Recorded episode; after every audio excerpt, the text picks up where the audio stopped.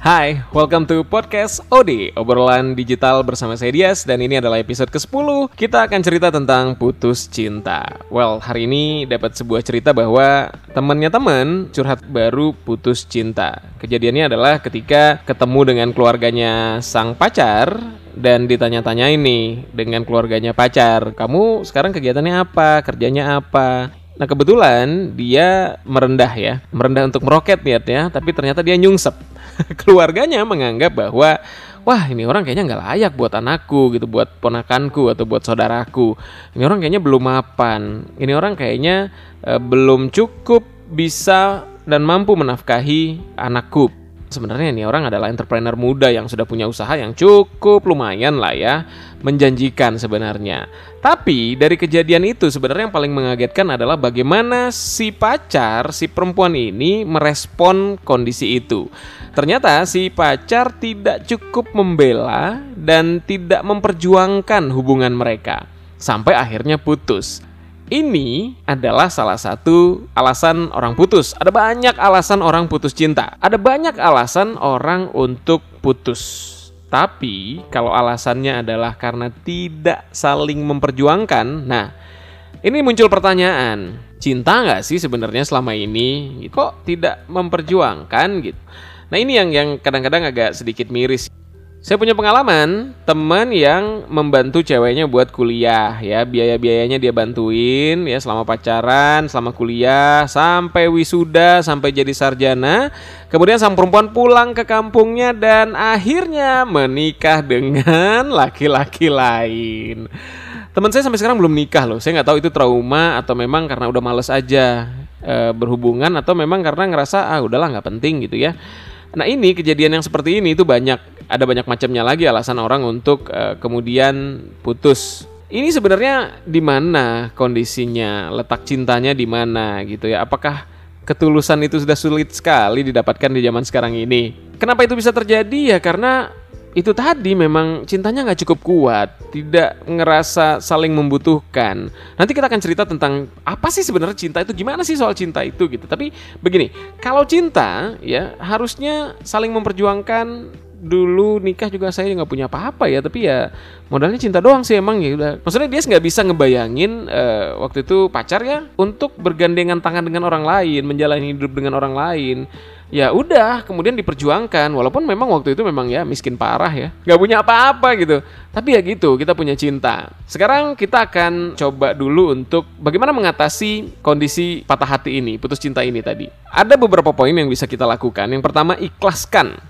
pekerjaan paling berat sebenarnya dari apa pun kejadian buruk yang menimpa kita ikhlaskan. Tapi percayalah bahwa selalu ada hikmah di balik kejadian walaupun itu tidak menyenangkan. Jadi ikhlasin aja. Ya kayak buang empuk ketika boker lah gitu ya ikhlas aja nggak mungkin kan nahan empuk di dalam usus bisa jadi penyakit kan nah kayak gitu tuh ikhlasin poin kedua jangan larut-larut dalam kesedihan no jangan ya apalagi sampai nunjuk-nunjukin yang ketiga adalah introspeksi diri kita nggak mungkin menyalahkan sisi sebelahnya saja selalu ada eh, sisi-sisi uh, yang juga harus diperbaiki dari kita. Mungkin bukan untuk balikan, mungkin bukan untuk berhubungan lagi dengan orang yang sama, tapi paling tidak kita sudah punya pengalaman bahwa kejadian buruk ini mudah-mudahan tidak terjadi lagi di kemudian hari. That's why introspeksi penting.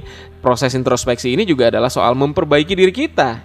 Kemudian yang keempat, buka mata, telinga, dan hati. Jangan ditutup. Mungkin saja selama ini ada yang sudah nungguin kamu putus. Ada yang betul-betul mencintai kamu, ada yang benar-benar pengen sama-sama kamu, dan ada yang memang sudah membayangkan bahkan jadi pasangannya kamu dan hidup uh, happily ever after gitu sampai mungkin ya ke surga bareng-bareng nanti. Coba buka mata, telinga, dan hati. Jangan ditutup, jangan ditahan, jangan bersedih dengan kondisi yang ada.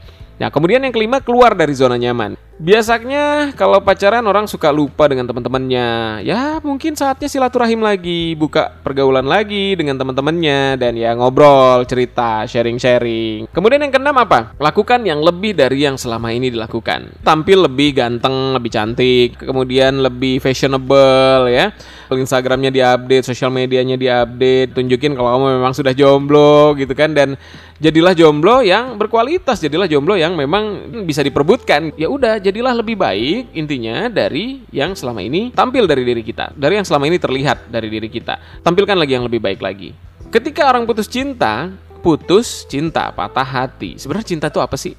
Apakah kalau kita suka Contoh nih, misalnya tadi teman tuh cerita bahwa aku dulu mengenal seorang perempuan, aku suka banget ngelihat dia, orangnya baik. Kemudian teman-teman keluarga juga pada bilang bahwa ini orangnya baik banget, agamanya bagus banget. Ada sebuah porsi ketika kita baru berkenalan, itu sebenarnya bukan jatuh cinta, tapi penasaran. Ada banyak kejadian di dunia ini yang di atas namakan cinta, sebenarnya hanyalah masalah penasaran. Sebenarnya hanyalah keingintahuan. Kadang-kadang setelah kita tahu, bahkan kita jadi ilfil, bahkan jadi nggak suka gitu.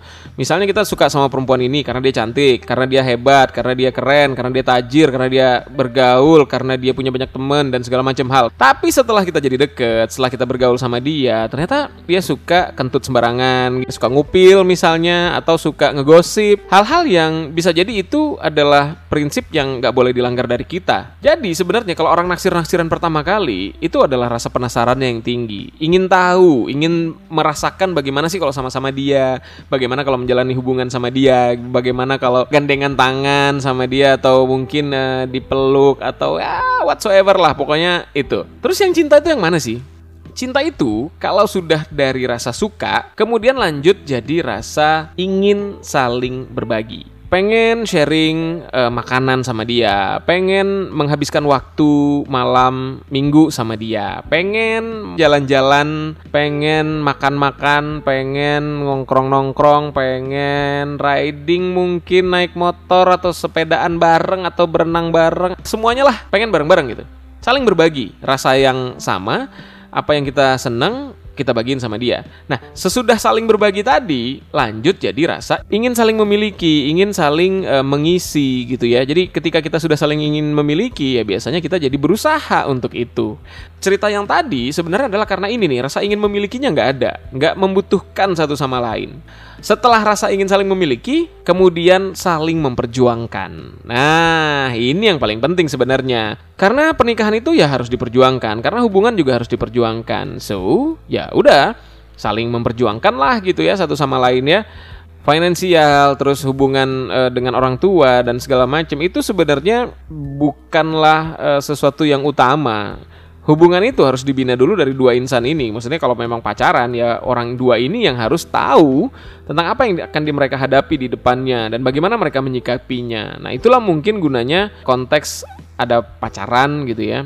Ya ini dia tadi, ada proses yang kita tuh saling mengenal satu sama lain.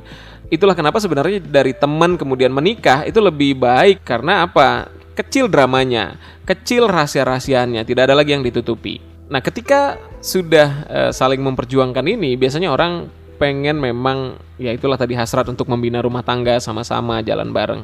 Ke depannya mau ngapain? Coba untuk lebih bijaksana, untuk lebih melihat ke bibit bebet bobot, melihat ke kecocokan. Jangan ragu untuk minta penilaian orang lain, terutama orang-orang yang lebih berpengalaman dari kita. Bawa pasangan yang ada untuk bergaul di lingkungannya kita, cocok apa enggak, punya hobi yang sama enggak dengan kita, bisa support enggak kira-kira kalau kita misalnya nanti uh, usahanya ini, bisnisnya ini atau jadi karyawan di perusahaan yang seperti ini. Kalau satu sama lain bisa saling terima, nah itulah sebenarnya harusnya perjalanan rumah tangga seharusnya seperti itu.